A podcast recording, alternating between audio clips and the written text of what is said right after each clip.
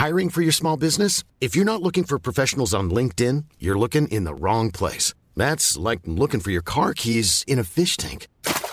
LinkedIn helps you hire professionals you can't find anywhere else, even those who aren't actively searching for a new job but might be open to the perfect role. In a given month, over 70% of LinkedIn users don't even visit other leading job sites. So start looking in the right place. With LinkedIn, you can hire professionals like a professional. Post your free job on linkedin.com slash people today. This is Paige, the co-host of Giggly Squad, and I want to tell you about a company that I've been loving, Olive and June. Olive and June gives you everything that you need for a salon quality manicure in one box. And if you break it down, it really comes out to $2 a manicure, which is absolutely insane. It's also so easy to get salon worthy nails at home with Olive and June. The difference between how your nails used to look when you did them yourself and now with the Manny system is a complete game changer. The best thing about Olive and June too is it's a quick dry. Dries in about one minute, lasts for five days, and full coverage in up to one to two coats. Visit oliveandjune.com slash perfectmanny20 for 20% off your first system. That's oliveandjune.com slash perfectmanny20 for 20% off your first system. Hey there, it's Michelle Norris. I'm host of a podcast called Your Mama's Kitchen. When I travel, I'm usually looking for a way to find a taste of home when I'm not at home. And one of the things I love to do when I am at home is entertain. And Airbnb allows me to do that. When I was in California recently, I rented a house that had a great kitchen. And when we were sitting around the table, we were all thinking, we're in someone else's house. Someone could be in all of our homes as well. If you have a home, but you're not always at home, you have an Airbnb. Your home might be worth more than you think. Find out how much at airbnb.com/slash host.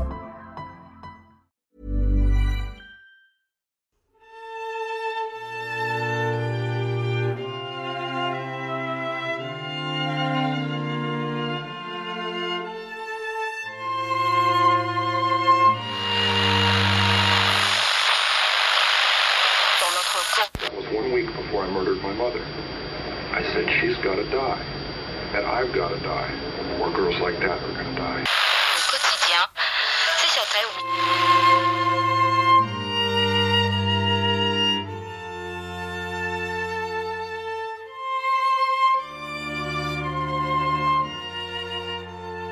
Hej och välkomna till avsnitt 7. Och det sista avsnittet och snart våran sista destination på våran rysliga reseguide. Det är jag som är Linda. Och det är jag som är Alexandra. Och i det här avsnittet börjar vi ju komma riktigt långt norrut. Och visst ligger det väl ändå någonting trollskt och lite mystiskt över de vidsträckta skogarna i norr? Ja, men det tycker jag. Ja, som ändå till slut öppnar upp sig i samhällen. Ja. Ja, det gör det. Men i några av de här samhällena så finns det ju såklart också hemsökta platser. Men innan vi drar igång med sista avsnittet så vill vi påminna en sista gång om att om ni besöker något av de här ställena som vi tar upp i sommarspecialen så får ni själva kolla upp vilka regler det är som gäller för platserna så att det är okej att ni är där samt att ni får ta eget ansvar för vad som kan komma att hända på platserna. Den första platsen vi stannar till vid är avrättningsplatsen i Bureheden. Från morfäbodarna, där vi avslutade igår, kör vi nu norrut via E E4.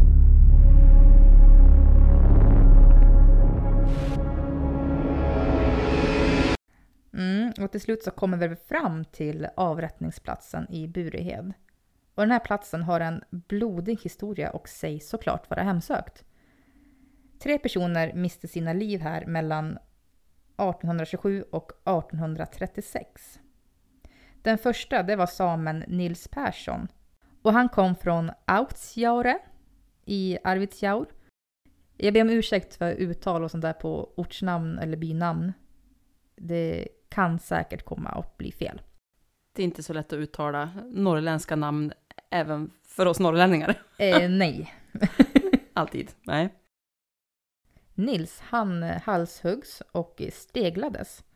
Och att stegla det innebar att kroppen stympades och placerades på ett steghjul. Huvudet det sattes fast på en påle vid sidan av vägen i avskräckande syfte så att förbipasserande skulle skrämmas till att inte begå brott. Och tre år senare så var det den 22-åriga änkan Sara Greta Persdotter som avrättades. Hon var dömd för att ha mördat sin åtta månader gamla son. Och 1836 avrättades den sista personen, Nils Petter Pettersson. Och även han blev halshuggen efter att ha blivit dömd för att ha mördat sin fru. Och avrättningarna de lockade stora skaror av människor och det ansågs fostrande att titta på en avrättning. Idag finns det en minnessten på platsen med årtalen för avrättningarna inristade. Ja, just det. Så att om man tittar på de här avrättningarna så alltså skulle det då typ vara avskräckande att oj då, om jag begår ett brott så kanske jag slutar sådär. Ja, jag antar det. Mm. Och på sätt och vis är det väl sant. För inte vill man väl bli halshuggen och steglad eller någonting. Nej, det lät ju inte så trevligt. men, Men jag vet inte om jag tror att det gav den effekt nej, men jag tror inte det. de önskade. Nej.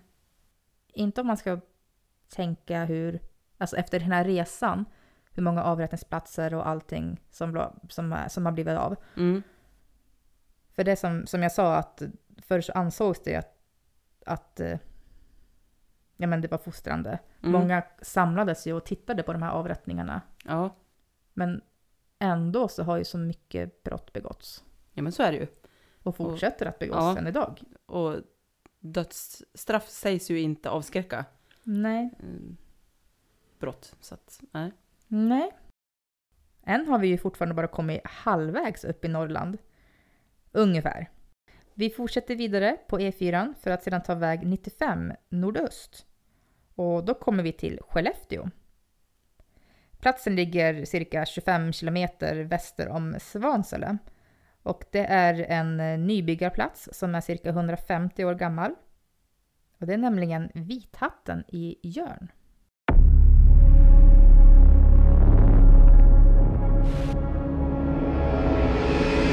Ja, precis. Och här ska folk ha sett svävande människor på grusvägen. Ansikten som skymtar genom de tomma fönstren i de tomma byggnaderna. Och inne i en stuga så ska till och med en brasa ha tänts av sig själv mitt i natten. Oj! Mm. Men den mest omtalade, det är nog historien om en kvinna och ett spädbarn. Karl Jonas Gustafsson och hans fru flyttade till Vithatten och bodde där 1873 till 1877. Och redan efter ett år så inträffade det som man fortfarande pratar om i de omkringliggande byarna. För under vintern och våren 1874 så var Jonas sysselsatt med skogsavverkning. Han var ju då långt hemifrån och kunde därför inte besöka hemmet så ofta som han kanske ville. Men när han vid, ändå vid ett tillfälle kunde ta sig hem så hittade han sin fru Sara Lovisa Andersdotter och deras nyfödda barn döda. Men nej. Jo, Och vad tragiskt. ja. Lovisa hade då fött barnet i ensamhet men hade inte överlevt förlossningen. Och vad som hände Lovisa och det nyfödda barnet, det går lite grann isär. Mhm. Eh, vissa hävdar att de frös ihjäl. Eh, men kyrkboken säger dock att Lovisa dog den 12 juni. Och eh, vanligtvis så brukar det ju inte vara alltså, jättemycket snö och så jätte, jättekallt Nej, i juni. Eh, så inte att, direkt va? Ja, nej, det är lite osäkert. Inte ens här i norr. Nej, Vi har exakt. inte alltid snö på våra gator och torg. Ja, eller hur? Men ja, man vet Mm. inte riktigt. Barnet har i alla fall inget dödsdatum och heller inget eh, födelsedatum. Nej, just det. Eh, Kanske var svårt att sätta något om man hittar de båda döda liksom. ja, men exakt. Ja, precis. Man vet väl kanske inte när exakt det har fötts och när det Nej. exakt har dött. Eh, men det finns ändå de som menar att de också kan ha svultit ihjäl. Okej. Och det ja, skulle väl kanske kunna vara mer troligt, tänker jag. Men man vet ju aldrig. Men hur som helst så ska det i alla fall vara den här händelsen, oavsett dödsorsak, eh, som har lett till att vithatten då numera är hemsökt. Ja, just det. Ja. Och efter att ha stannat till här så ska vi ut till kusten igen. Vi ska till ännu ett mentalsjukhus. Och jag tycker i alla fall att det är någonting extra spöklikt över gamla mentalsjukhus. Eh, så nu är det bara att ställa in siktet på Furunäsets mentalsjukhus i Piteå.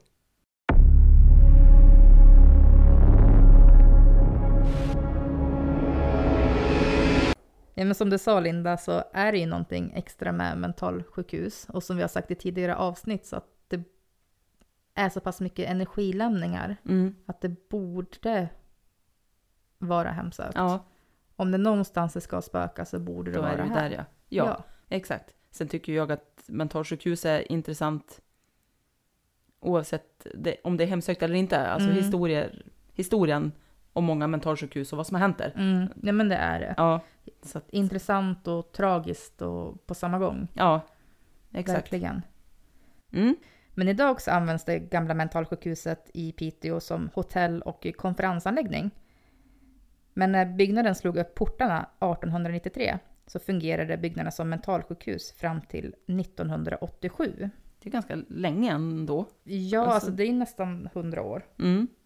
Ganska precis. Ja, Och det ska, inte helt olikt Umedalens mentalsjukhus som vi hörde om igår, ha utförts mycket bisarra och sjuka metoder på de psykiskt sjuka patienterna som vårdades här.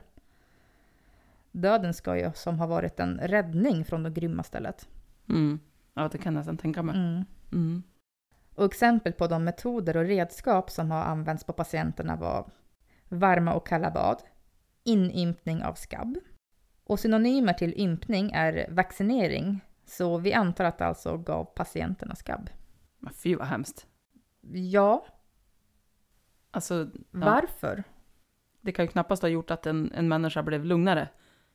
Men det känns inte så. Nej, In, inte av skabb. nej.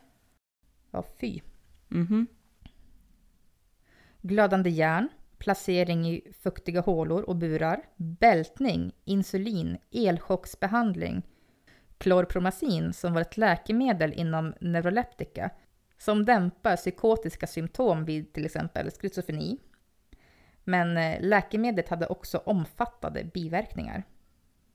Läkemedlet verkade lugnande och eh, antipsykotiskt. Men biverkningar kunde vara kramper, stelhet, rastlöshet, trötthet, viktökning med mera. Läkemedlet liknas vid lobotomi fast på en kemisk väg. Lobotomi utfördes ju också och lobotomi innebär att på ett kirurgiskt sätt bota psykiska sjukdomar. Och genom att antingen borra hål i huvudet och sticka in ett vasst föremål eller genom att föra in ett smalt vasst föremål bakom ögat och in i hjärnan så skar man upp nervbanor från pannloben till djupare, till djupare liggande regioner i hjärnan som är centrum för känslolivet. Hur sjukt? Ja, eller hur? Det, ja. Vem kom på de här idéerna Mm. till att det här ska hjälpa människor som, har, ja. som, som på ett eller annat sätt mår dåligt eller Mm. mår, ill, mår illa Ja. av, av sina besvär liksom. Mm. Nej men precis. Eh, och tanken måste ju ha varit att bara dämpa ja, men, de alltså, psykiska besvären eller de psykoser som människor hade. Mm. Men de kan ju inte ha förstått vilka biverkningar eller vilka bieffekter både klorpromazinet och lobotomin kunde få, eller fick. Eller Alltså, hur? För de blev ju som zombies, Ja. många. Alltså, ja. Ja men som du säger, tanken var ju att dämpa ångest och oro. Men som sagt, många blev ju helt apatiska istället. Mm. Ja men som vi, vi ställer ju frågan hur, hur man någonsin kunde tro att de här metoderna kunde vara vårdande och botande. Mm. Och det är kanske inte så konstigt då att det här stället sägs vara hemsökt. Med Nej, tanke på de här grymheterna som försiggår. Eller Nej, men eller försiggick. hur? Eller hur? Men de kanske fortfarande försiggår i energispår, det vet vi ju inte. Nej, det vet vi inte. Nej, För precis. vi vet ju inte hur det fungerar det här med hemsökta saker. Nej, Är det liksom energispår som spelas upp ja, igen och igen och igen? exakt. Ja.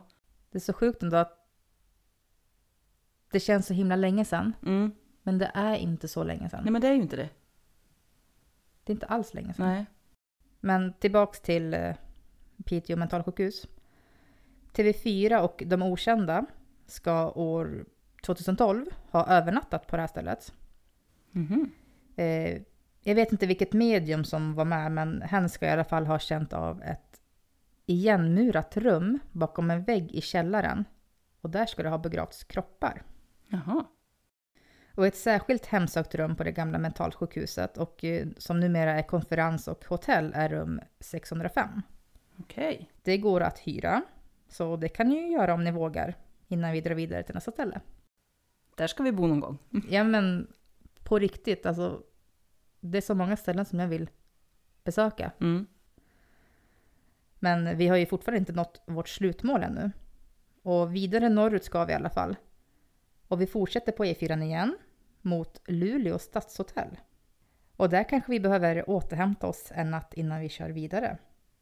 Och gör ni det kan ni ju faktiskt efterfråga ett specifikt rumsnummer.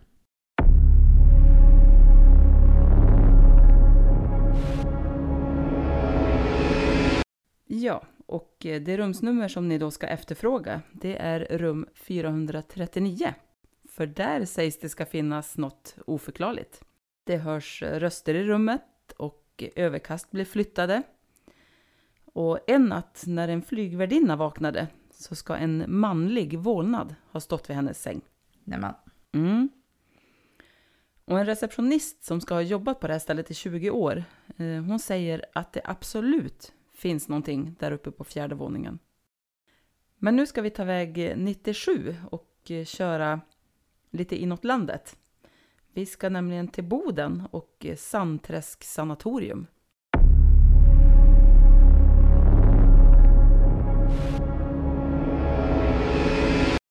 Och ett sanatorium det är ju en historisk äldre typ av sjukhus där man främst isolerar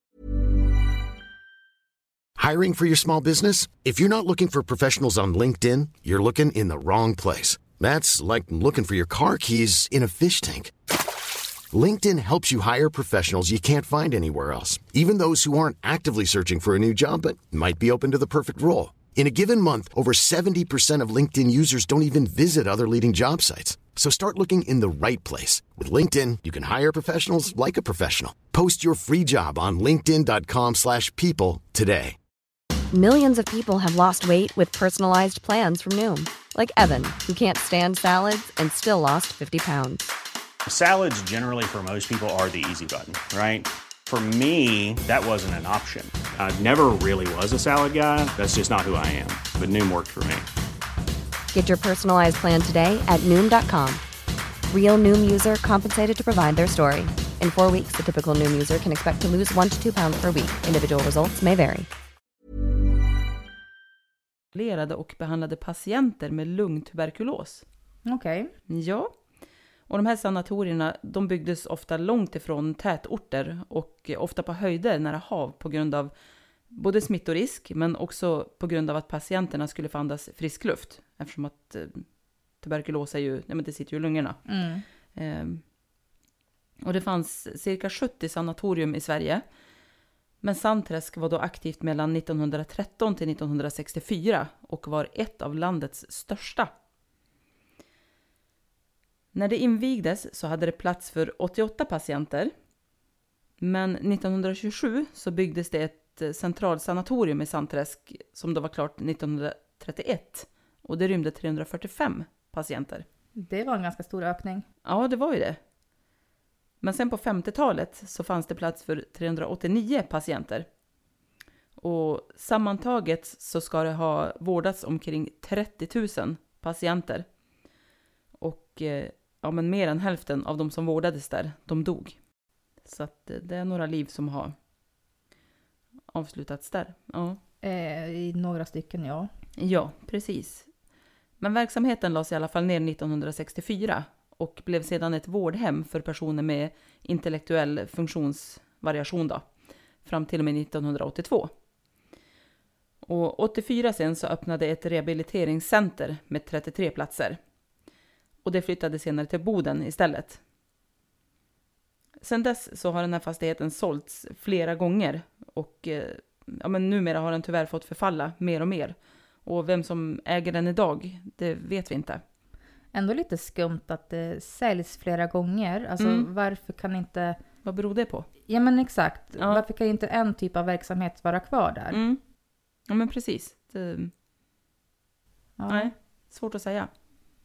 Intressant fall. ja, byggnaden är i alla fall gigantisk. Hela 13 000 kvadratmeter. Oj! Plus då lägenheter för sköterskor och eh, läkarbostad. Så det finns ju gott om utrymme för spökena att vandra runt på i alla fall. Alltså det var ju sjukt stort. Det är gigantiskt. Gigantiskt. Det känns som att man lätt kan gå vilse där. Ja, det, ja, verkligen. Men flera personer som har övernattat där under tiden det var rehabiliteringscenter säger i alla fall att de har sett en liten flicka i tioårsåldern komma in i deras rum, sätta sig på sängkanten och sedan spy. Nej men, Ja, okej. not so nice. Eh, nej. Nej. En sköterska och en man i rock med elakt ansikte ska också ha setts vandra i korridorerna. Många personer har hört viskningar och steg från övervåningen trots att stället har varit helt övergivet. Det finns också ett krematorium på stället. Och det var ju alltså platsen där de brände de människor som avled i tuberkulos. Ja, just det. Ja. Och där ska det finnas så kallade cold spots. Mhm, vad är det? Eh, Det innebär att det från ingenstans och helt utan anledning bara blir typ tvärkallt. Ah, Ja, just det. Det har man ändå känt på några ställen som man har varit på. Alltså att Mm. det blir tvärkallt. ja men exakt. Så och det brukar ju vara en indikation på att det finns Ja. någonting paranormalt. Just det. Så att, ja. Men nu tar vi sikte på finska gränsen. Via väg 392 och 99 ska vi ta oss ända upp till Pajala och eh, Akamellas begravningsplats.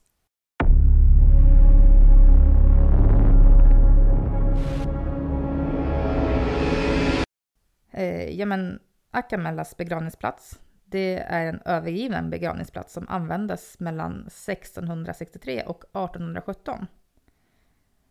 Och området är rätt så svårtillgängligt och man måste gå till fots de sista kilometrarna. Man vet inte hur många som har blivit begravda på det här stället, men eh, det finns ett 15-tal gropar efter äldre begravningar, en minnessten och en gravsten. De döda sägs i alla fall föra mycket oväsen då de är missnöjda med ordningen på gravplatsen. Gravplatsen var trång på grund av farsot och eh, hungersnöd. Gamla lik, benknotor och kors som vittrade sönder vräktes över staketet så att nya kistor skulle få plats. De eh, döda rullade som runt på detta hemska ställe och kunde därför inte få ro. Ja, just det. Det känns ändå ganska logiskt om du läggs på en viloplats och sen får du inte ligga kvar där. Du Nej. flyttas runt liksom. Ja, jag tänker på om man ligger typ i en säng Ja, och det blir jätte, jättetrångt, då får man ju ingen ro. exakt. Alltså, nej, nu kanske inte det går att jämföra riktigt, men Nej men, nej inte riktigt men ändå. ja, då blir man ju ganska irriterad. Ja. Speciellt om det är någon som man inte har bjudit in. ja, och jag låg här först och ska du komma och ligga här så att jag blir undanskuffad. Exakt. Eh, asätare och hundar gick runt där och släpade på gamla ruttnade likdelar. Och det sägs att eh, de arga och kränkta spökena började förfölja folk. Mhm. De ska till och med ha vridit nacken av en man på sjön. Nämen. Ja, då är Då man arg. är man ganska arg. Ja, Som sagt, jag kan tänka mig att de är arg. ja om Och det kränkt. går till på det här viset så. Ja, Ja. Särskilt mycket liv ska det vara från en speciell grav där trollgubben eller magikern Vittiko och hans son Antti ligger. Mhm. De var tydligen så svåra ovänner i livet och kan heller inte hålla sams i graven. Utan slåss och svär och allt möjligt så det bara står härliga till. Det verkar ju vara en väldigt aktiv Plats, gravplats. Ja, ja verkligen. Och en gravplats tänker man ju att den ska ändå vara ganska lugn. Ja, Alltså, även Men om det kan hur? spöka. Men det här känns som att det är väldigt aggressivt. ja och högljutt och Ja, ja. vi ska ju fortsätta vår resa. Och lite längre norrut kan vi faktiskt ta oss. Vi fortsätter längs den finska gränsen och eh, Karesuando-vägen, väg 99, och tar oss till, eh, och tar oss till Paitasjärvi i Karesuando. Och där är det det näst sista stoppet på denna resa.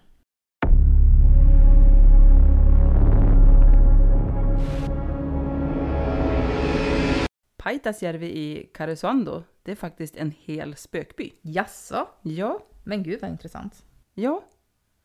Åtminstone på det viset att nästan ingen bor där längre. Byn består av sex stycken välskötta och fullt inredda gårdar, så det är en ganska liten by. Mm.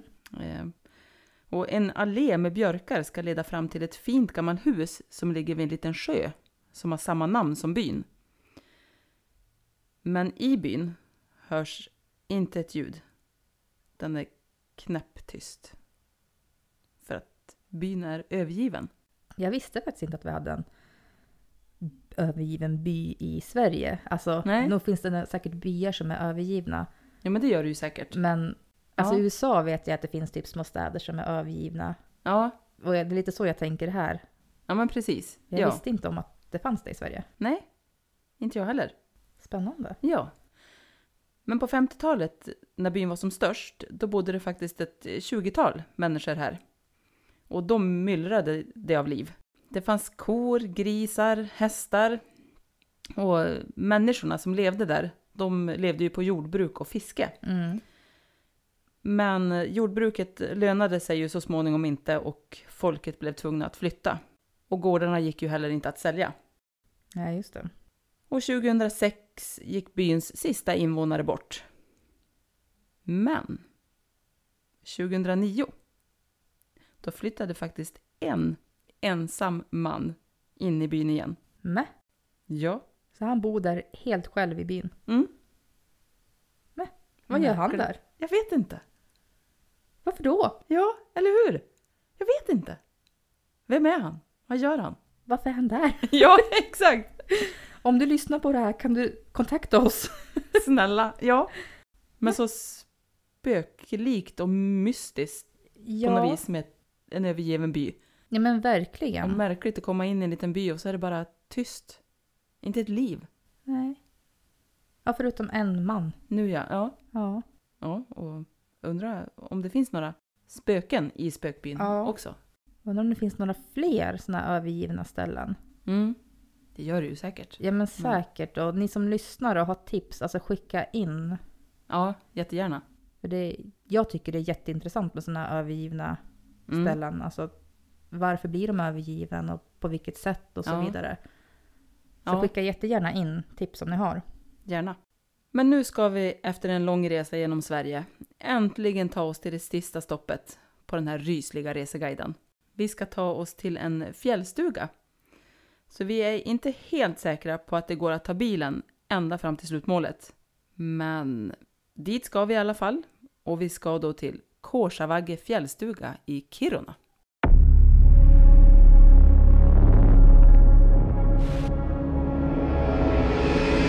Mm, och den här stugan det är en av STFs äldsta stugor. Och eh, här har många gäster haft sömnlösa nätter. Mhm. Det kanske inte är någonting man vill ha om man tar sig till en fjällstuga kan jag tänka mig. Nej, Då tror jag en nattsömn är guld värd. ja det ska jag tro. Ja, det finns historier om eh, fjällvandrare som ska ha omkommit i snöoväder som då sägs söka skydd i den här stugan. Och en historia som finns att läsa på spökhus.se lyder enligt följande. Av någon anledning har jag hört många olika historier om denna stuga. Historierna kommer från folk som inte ens känner varandra. Min morfar, han var en van fjällvandrare. Han var i trakten i sina yngre dagar och skulle spendera natten i stugan. När han la sig i sängen så for dörren upp. En kvinna stod där i dörröppningen. Han tänkte något i stil med jaha, ska vi måste dela på det här trånga utrymmet? Varpå kvinnan började gå in mot honom. Hon gick rakt genom matbordet och försvann. Jag har ingen aning om hur det ser ut i stugan och då har jag givetvis svårt att bedöma sanninghets, sanningsgraden i den här. Och jag har även hört en historia om ett gäng karar som vistades i stugan. De hade druckit ett par öl och såg då en kvinna passera där utanför. Männen hade väl hoppats på lite kvinnligt sällskap så en av dem sprang ut till kvinnan för att fråga om hon skulle hänga med in. Han sprang ifatt henne bakifrån och la handen på hennes axel. Kvinnan vände sig om och är helt utan ansikte. Återigen, någonting som jag har hört från andra som ej känner varandra. Jag har ju själv aldrig varit där och upplevt någonting.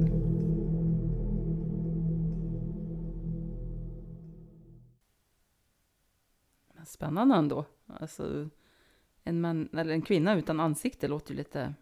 Det låter vet lite jag om jag skulle vilja möta på henne där på, på fjället. Nej, som sagt, är du på fjället och du kommer till en fjällstuga så Mm. vill man ju dit och övernatta och ja, men återhämta sig. Exakt. Inte Och- bli störd av Nej, en kvinna utan ansikte. nej. Och ja, det var vad vi hade för den här gången.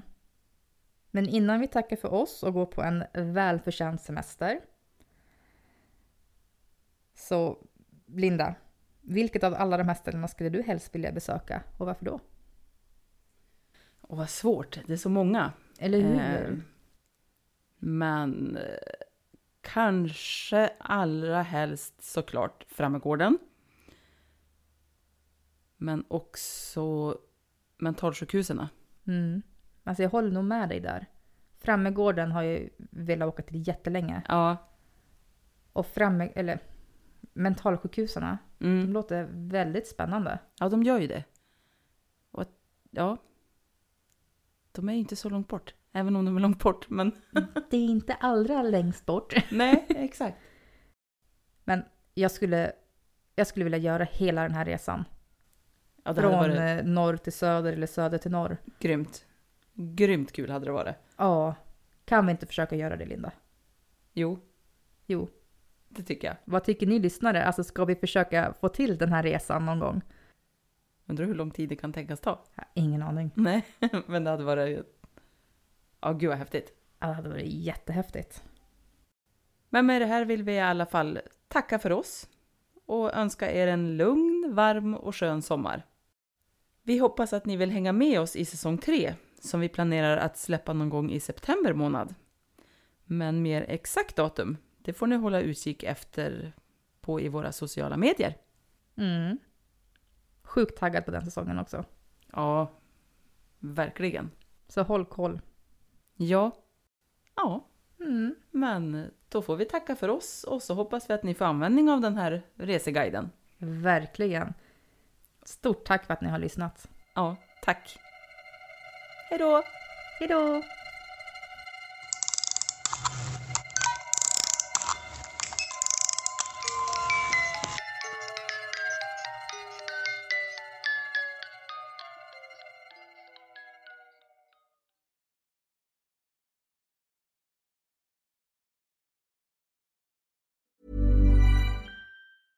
Even when we're on a budget, we still deserve nice things.